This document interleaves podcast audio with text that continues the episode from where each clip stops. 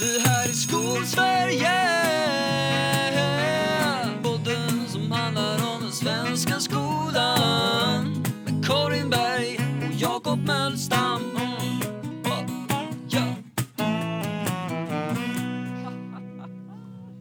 Men nu är det så här att jag har redan startat, Jakob, mitt emellan två utvecklingssamtal. Mitt emellan två utvecklingssamtal, fredag eftermiddag den 19 november. Livet är vad det är. Eh, så. Det är det. Och förra veckan så, liksom, så försvann podden i förkylningar av elen och elände, eller hur? Alltså i ett par veckors tid. Jag minns inte när det var sist vi poddade, men det känns som att det var ett tag sedan. Så det är kul att kunna Ja. vara tillbaka och kunna ge en uppdatering och kunna vara så här, hallå, vi lever, allt är bra. eh, så, det får man vara glad Ja, för i dessa ja. tider. Eh, så, Mm. mitt i utvecklingssamtalstider och novembertider och liksom, jag vet inte, man ska inte vara helt nergrävd i gyttjan så att säga, men liksom ljusglimtarna, de är inte eh, vrålande många just nu. Om man inte Nej, gör men- sig dem på något sätt. Nej, men jag satt och planerade hela min nästa vecka, du vet, la in schemalag på Classroom och gjorde Mm, så att liksom, du vet, det ska kicka in. Jag har min fredag eftermiddag. Min måndag är schemalagd liksom hela dagen på ett sätt som är helt absurt.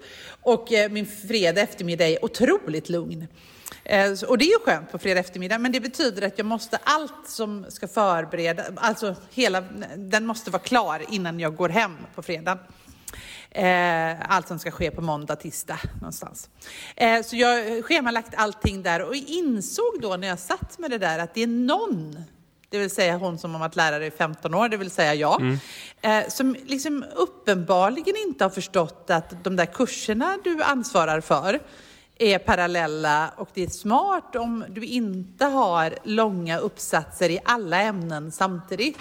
Det är någonting man lär sig så här år ett i, som lärare. Mm, En- Jag kommer alltså nästa vecka, om, eh, nästa och nästa, alltså inom en och en halv vecka så kommer jag att få eh, 30 uppsatser gånger fem.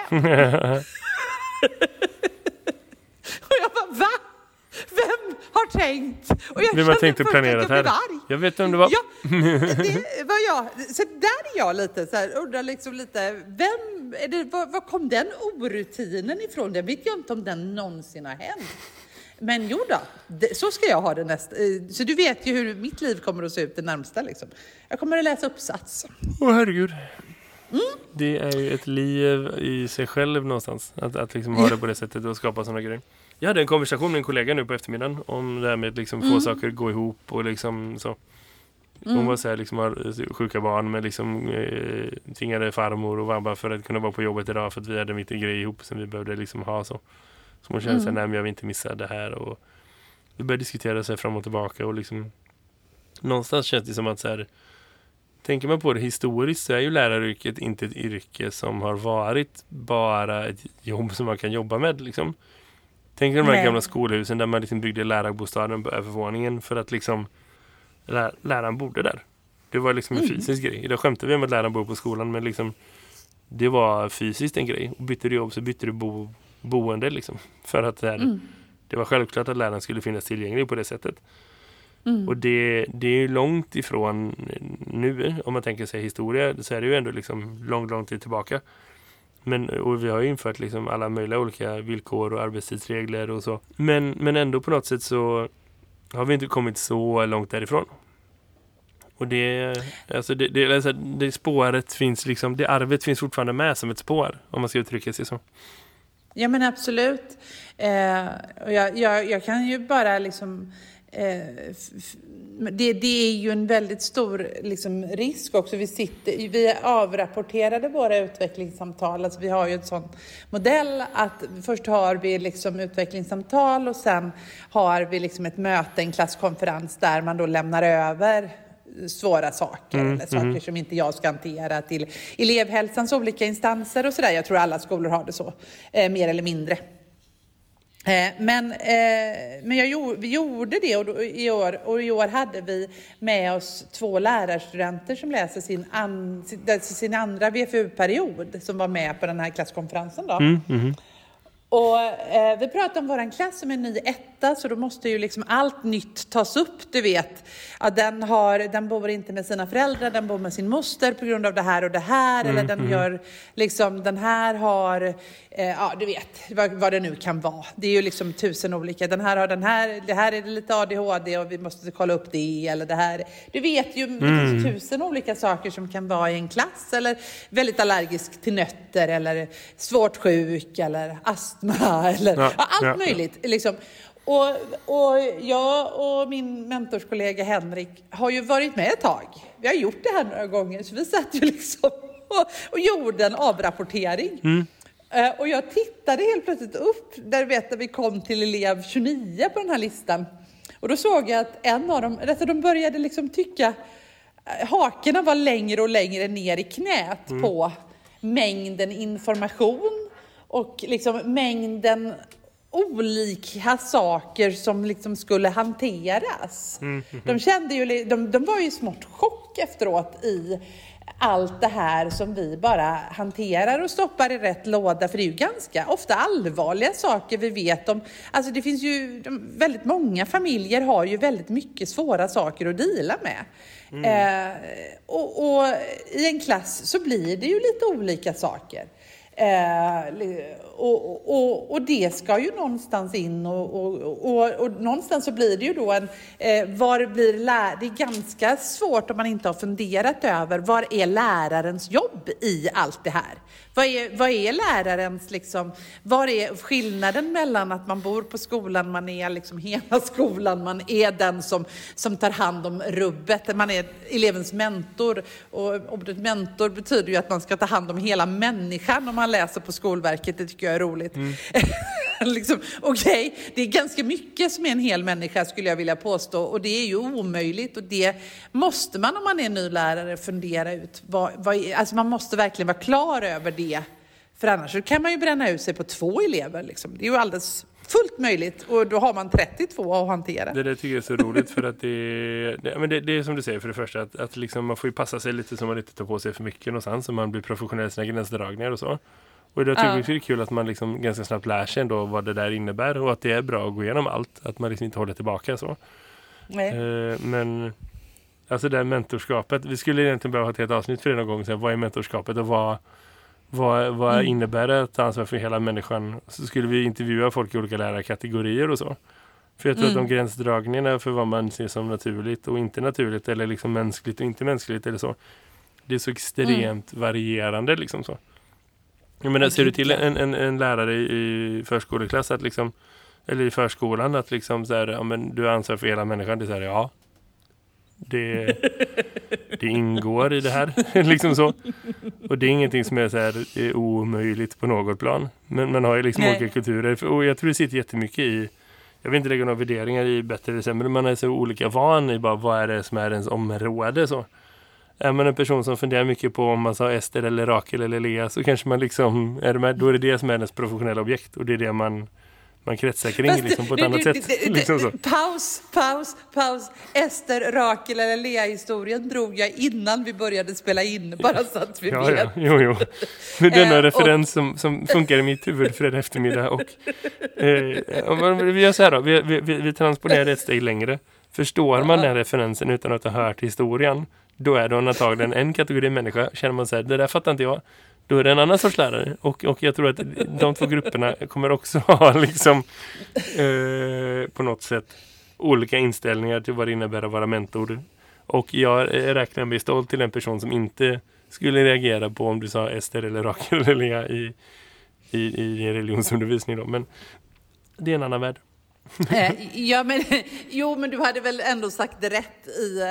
eh, Om du berättar en historia om Ester så är det väl bra om Ester får heta Ester. Det är väl ändå... Jo, jo, nej, jag säger inte att det är fel, men jag säger att om man är en person som liksom går runt och räknar det som att säga, oj, idag är det lite snurrigt. Så, Ja. så, ja men så här, man kommer från olika lärarbakgrunder och det har varit jätteintressant att kolla på så här, hur förändras synen på mentorskapet över liksom hela skolsystemet så. För det, det Ja, behöver inte det vara samma för behoven är olika liksom så. Men, Ja men absolut. Sen tänker jag också att en sak som, som blir väldigt stor skillnad är ju att din mentorsgrupp, tänker jag du träffar. Jag träffar min mentorsgrupp naturligt två gånger i veckan. Det det hinner hända ganska mycket mellan de två tiderna. Eh, de har massa andra lärare, massa andra saker. Och massa, det är väldigt svårt med de här informella mötena med hela gruppen. Eh, det, är väldigt, det tänker jag är en stor skillnad också i Men det är också en, det är också en designfråga. Även om det, det är klart Ja. att man designar på olika sätt och lösningen är olika för systemen är olika och igen behoven är olika. Men, men det är också en, det är faktiskt en designfråga. Så. I, I stora beslut till små beslut. I vilka, hur, stora beslut hur, hur indelar man liksom mentorsgrupper? Ska alla vara mentorer? Ska de här lärarna som inte liksom har regelbunden tid med alla vara det? Eller inte? Eller liksom, men också små- mikrobeslut. Jag har två kollegor, vi är mentorer för två grupper. Eh, så. så vi har 60, 58, 59 och sådana elever ihop. Eh, och vi har med flit inte delat upp dem mellan oss utan vi har liksom, det är flytande så. Eh, för att vi vill ha ett samarbete runt det. Och, det, oftast är det så att halva gänget är i ett rum och en mentorstid, halva gänget är den andra. Så pendlar vi lite så här, vem har vilken grupp vilken dag, när vi har mentorstid. Men ibland så bara igår var det så här, men fan den här informationen det är bra om vi gör ihop för då säger vi samma sak och vi pratar med allihopa. Ja men då tar vi in dem i det rummet där det får plats 60 pers. Och så sätter vi oss där och så liksom tog vi det samtalet ihop. Eh, För att det är också viktigt att befästa det. Så jag tror det beror på vilka sam- sammanhang man skapar naturligtvis och hur man liksom gör det. I, i, så. Men, men, men Ja, ja. det, det hade varit jätteintressant Och- att komma in på det och jag tänker att det, det är inte... Vi, vi pausar ändå lite det för att jag tror att det hade varit jättebra på riktigt få med sig fler personer. Att det inte bara är du och jag som så här spånar fritt någonstans. Nej, nej, men det är möjligt. Eh, men, jag- och jag tror, att det, jag tror också att det, det är spännande. Men, men jag tycker också att det är en spännande formulering med hela människan. Eh, för att det beror ju verkligen, det blir en väldigt vid tolkning någonstans. Och det är fint att Men- skolan är där. Politiskt vill man ju att skolan ska vara bra för hela människan någonstans. Så. Mm. Alltså som organisation skiter lärarens individuella yrke. Man vill ju att en skola, oavsett hur gamla elever är, är hälsosam Mm. och främjande och stärkande och utvecklande för hela människan, hela skolgången. Så. Mm. Det är ju det är ju ett ideal som är så här, ja, jo men det där är väl en ganska bra sammanfattning av vad man vill. Men, men vart finns det ansvaret och hur ligger det liksom till? Det är ju en jävligt mycket mer komplicerad fråga och det tangerar allt från tillgång till kuratorer och socialpedagoger till liksom vad ingår i lärarens arbetsuppgifter och så. Och den enklaste lösningen med tanke på att vadå, 98% av alla som jobbar på skola är lärare är väl att lägga det på lärarna. Och det så kan vi inte bara göra någonstans. Om vi ska tänka så. Nej, det, det kan vi absolut inte bara göra. Men det, det är ju eh, ändå eh, någonting man, man, man vill lägga på lärarna. Får jag, får, jag, får jag ändå prova en sak på Ja, dig? ja, ja. Ja, får jag prova en sak på dig? Eh, vi, vi, har ju, vi, vi går ju in i ett valår. Mm. Ja, och, ehm, eh, eh, och vi, vi har ju fått en ny stjärna eh, som, som är, aspirerar på skolministerpositionen. Jaha, spännande. Det hänger jag inte riktigt med på. Nej, men, eh, men eh, du vet Moderaternas eh, nya skolpolitiska eh, person, vet du vem det är? Ingen aning. Nej, ja, hon heter Kristina Axén Olin, Oj. heter hon. vet du vem det är? Något, skol, något eh, borgarråd i Stockholm va? Var hon skolborgarråd? Nej. Eh, hon var absolut borgarråd i Stockholm. Och eh, hon, eh, eh, hon är... Ehm, hon, hon, hon, hon är liksom en... Eh, och hon har nu då på något sätt... Alltså hon går runt och vevar i att vi måste ha kvar våran fria, den här eh, valfriheten i skolan och vi måste ha kvar det, det ena med det tredje, med det femte, med det sjunde. Eh, och nu har hon liksom lyckats med konsten att eh, verkligen krångla till livet. Och jag tror i och för sig att hon lyckades eh, eh, för att nu, jag läste en tweet av henne, för hon har precis skaffat Twitter och det går ganska dåligt skulle jag vilja påstå. Men hon lyckades i alla fall att med den här tweeten ta, ta bort allt det här, du vet att skol att, att i all skolforskning, om det är någonting skolforskning är eh, säker på, så är det ju att det som spelar roll för att vi ska lyckas i skolan, en av de största faktorerna som vi vet spelar roll, det är ju var man kommer ifrån. Alltså vilken, ut, alltså vilken Alltså, om föräldrarna har en utbildningsbakgrund, då kommer det att påverka hur jag lyckas i skolan. Eh, och sen kan man då med politiska medel se till att det påverkar mer eller mindre. Men att det kommer att påverka, det är bara så.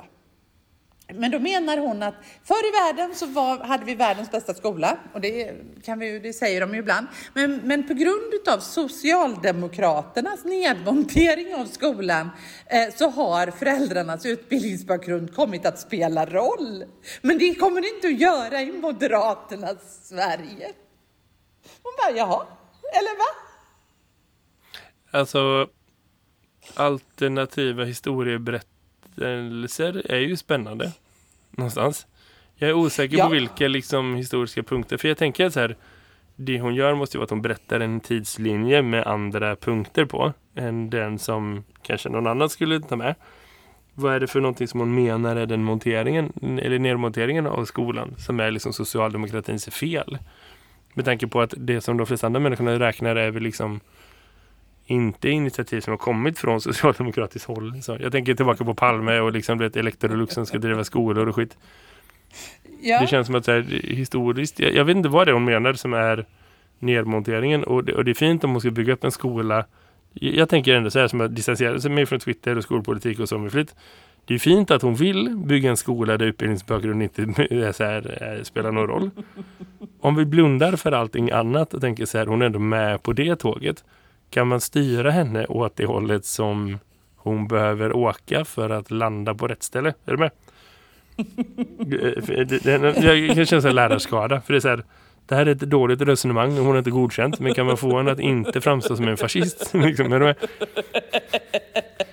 Eh, ja, eh, är det möjligt tror du då? Ja, det, ja, men kanske. Jag undrar vem det är som viskar förslag i hennes öra. Om, om det är så att hon nu- nu är liksom så här på den nivån. Vem är det som finns runt omkring henne som hon har förtroende för?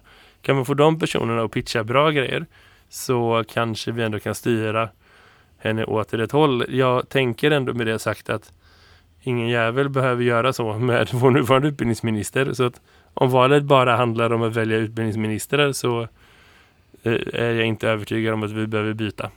så. Men sen finns det väl andra människor som röstar på andra saker. Det är kanske bara lärare som tänker att så här, skolfrågor är nummer ett. Men Ja, jo, men det är du väl. Men jag tycker ändå det här, nu hittade jag tweeten, jag var tvungen. Vi drar helt enkelt en annan slutsats av det faktum att studievana hos föräldrar avgör en elevs resultat. Så har det inte alltid varit, utan är en konsekvens av Socialdemokraternas nedmontering av det som en gång var världens bästa skola. Eh, och då blir man lite sådär att... Eh, hon menar, ju det- jämli- hon menar ju jämlikheten. Det är ju det hon måste göra, eller hur? Ja, och, jag tänker så här då, Eh, fast då får vi ju ändå fundera på så här, vi hade socialdemokratiskt styre mer eller mindre more or less fram till 1992. Då fick vi marknadsskola och det var den största omvälvningen av skola eh, som någonsin har gjorts. Eh, och det är den skolan vi har nu.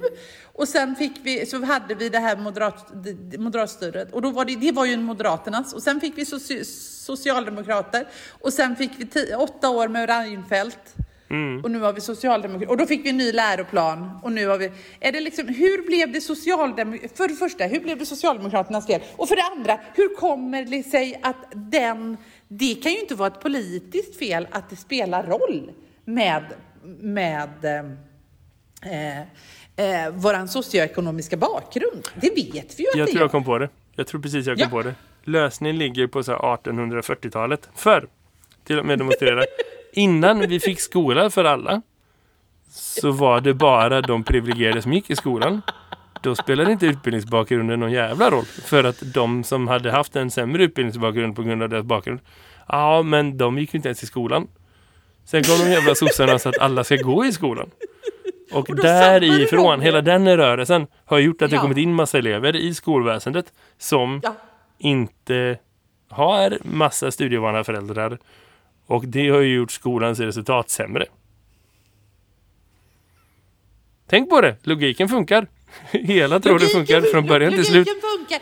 Och, och, jag blir så trött. Men det är ju lite så man säger också i och med valfrihet. Alla ska välja sig fram till en bättre skola och hit och dit och bak och fram. Och, och jag, men någonstans i hela min eh, liksom, i hela min värld och skolpolitiska värld och allt det här så, så, så blir jag sådär att Skolpolitik är rätt dålig överlag, men högerns skolpolitik är helt värdelös. Alltså det, det är verkligen pinsamt hur, hur låg nivå det är på liksom, ja. skolpolitik på nationell nivå.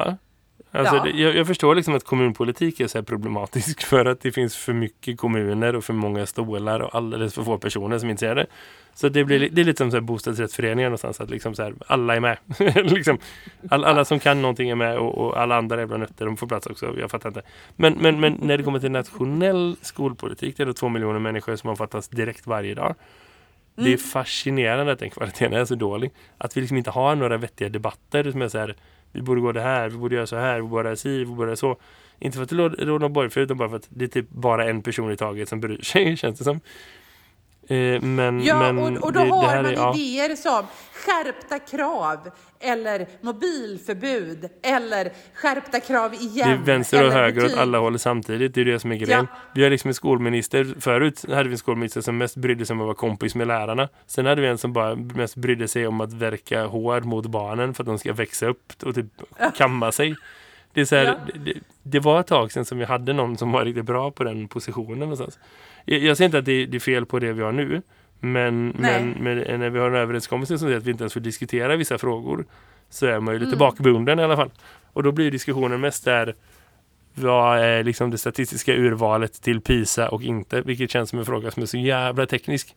Att det är så här, jag ja, tror inte man som... ens kan röra den frågan om man inte är typ doktor i statistik. Typ.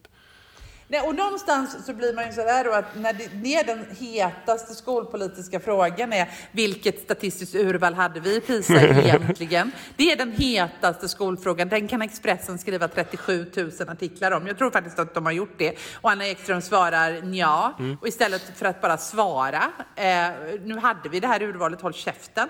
Eh, men eh, det, eh, och skitsamma. Men om det är den hetaste frågan så får man ju någonstans också fundera på hur relevant är PISA för någon? Eh, jag älskar, då tycker jag alla ska läsa från världsutställningar till PISA. Vad heter den? Det finns en bok som, som handlar om hur vi har jämfört skolsystem genom åren skriven av Christian Lundberg. Vi lägger, Lundahl, vi lägger en länk till det i beskrivningen till avsnittet så kan man gå in och läsa lite mer om det. Karin, jag har en sista fråga innan vi går vidare. Det är en fri ja. spåning, du som ändå är vår politiska ja. korrespondent i det här sammanhanget. Tror du att vi får en ny utbildningsminister med att vi får en ny statsminister? Eh, du menar nu om, vi, om Magdalena Andersson väljs? Mm, mm. Ja, nej, då får vi inte nu. Alltså Magdalena Andersson kommer ju låta Anna Ekström, de är ju bästisar. Mm. Det får vi inte. Eh, Anna Ekström är, är oerhört förtjust i Magdalena Andersson och Magdalena Andersson är oerhört förtjust. De har ju jobbat liksom ihop under Göran Perssons tid och de har liksom jobbat ihop i alla tider. Så det tror jag inte. Nej, då har vi ändå rätt ut den eh, frågan. Det var ju någonting ja. lite tryggt i det för en person som inte vet någonting överhuvudtaget. Du Karin, det är fredag eftermiddag. Ja. Mitt nästa utvecklingssamtal börjar med lite stund. Det är dags att börja runda av. Det var kul att checka in efter några veckors Eh, naturligt organiskt uppehåll. Vi får se till ja. att inte göra det till ett, en vana utan vi hörs igen nästa fredag som vanligt. Det gör vi, det gör vi. Eh, det blir toppen. Det var roligt att se dig igen. Du detsamma. Ha mm. det gött. Hej! Ha det, ha det fint! Det här är Skolsverige Podden som handlar om den svenska skolan Med Karin Berg och Jakob Mölstam